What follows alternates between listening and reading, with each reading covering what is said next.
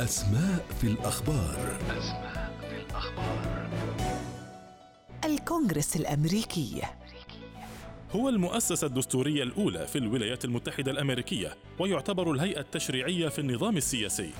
يتألف الكونغرس من مجلسين هما مجلس الشيوخ ومجلس النواب. يتشكل مجلس الشيوخ من مئة عضو. يمثل كل ولاية من الولايات الخمسين شيخان أو سيناتوران. يتألف مجلس النواب من 435 عضوا.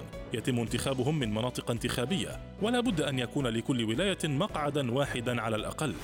بقي الحزبان الديمقراطي والجمهوري لفترة طويلة من الزمان الحزبان الرئيسيان في الكونغرس.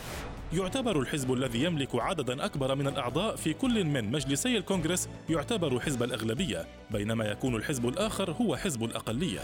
تعد اللجان مشاريع القوانين للتصويت عليها. يقوم حزب الأغلبية باختيار رئيس كل لجنة ويحتفظ بأغلبية المقاعد في معظم اللجان. يقوم الكونغرس بسن القوانين التي يكون موضوعها الضرائب. يشارك الكونغرس الرئيس الأمريكي في تعيين كبار الموظفين والقضاة ومن حقه الاعتراض على التعيينات. يقوم الكونغرس بإنشاء ومناقشة وتصويت القوانين وله صلاحيات في تعديل الدستور.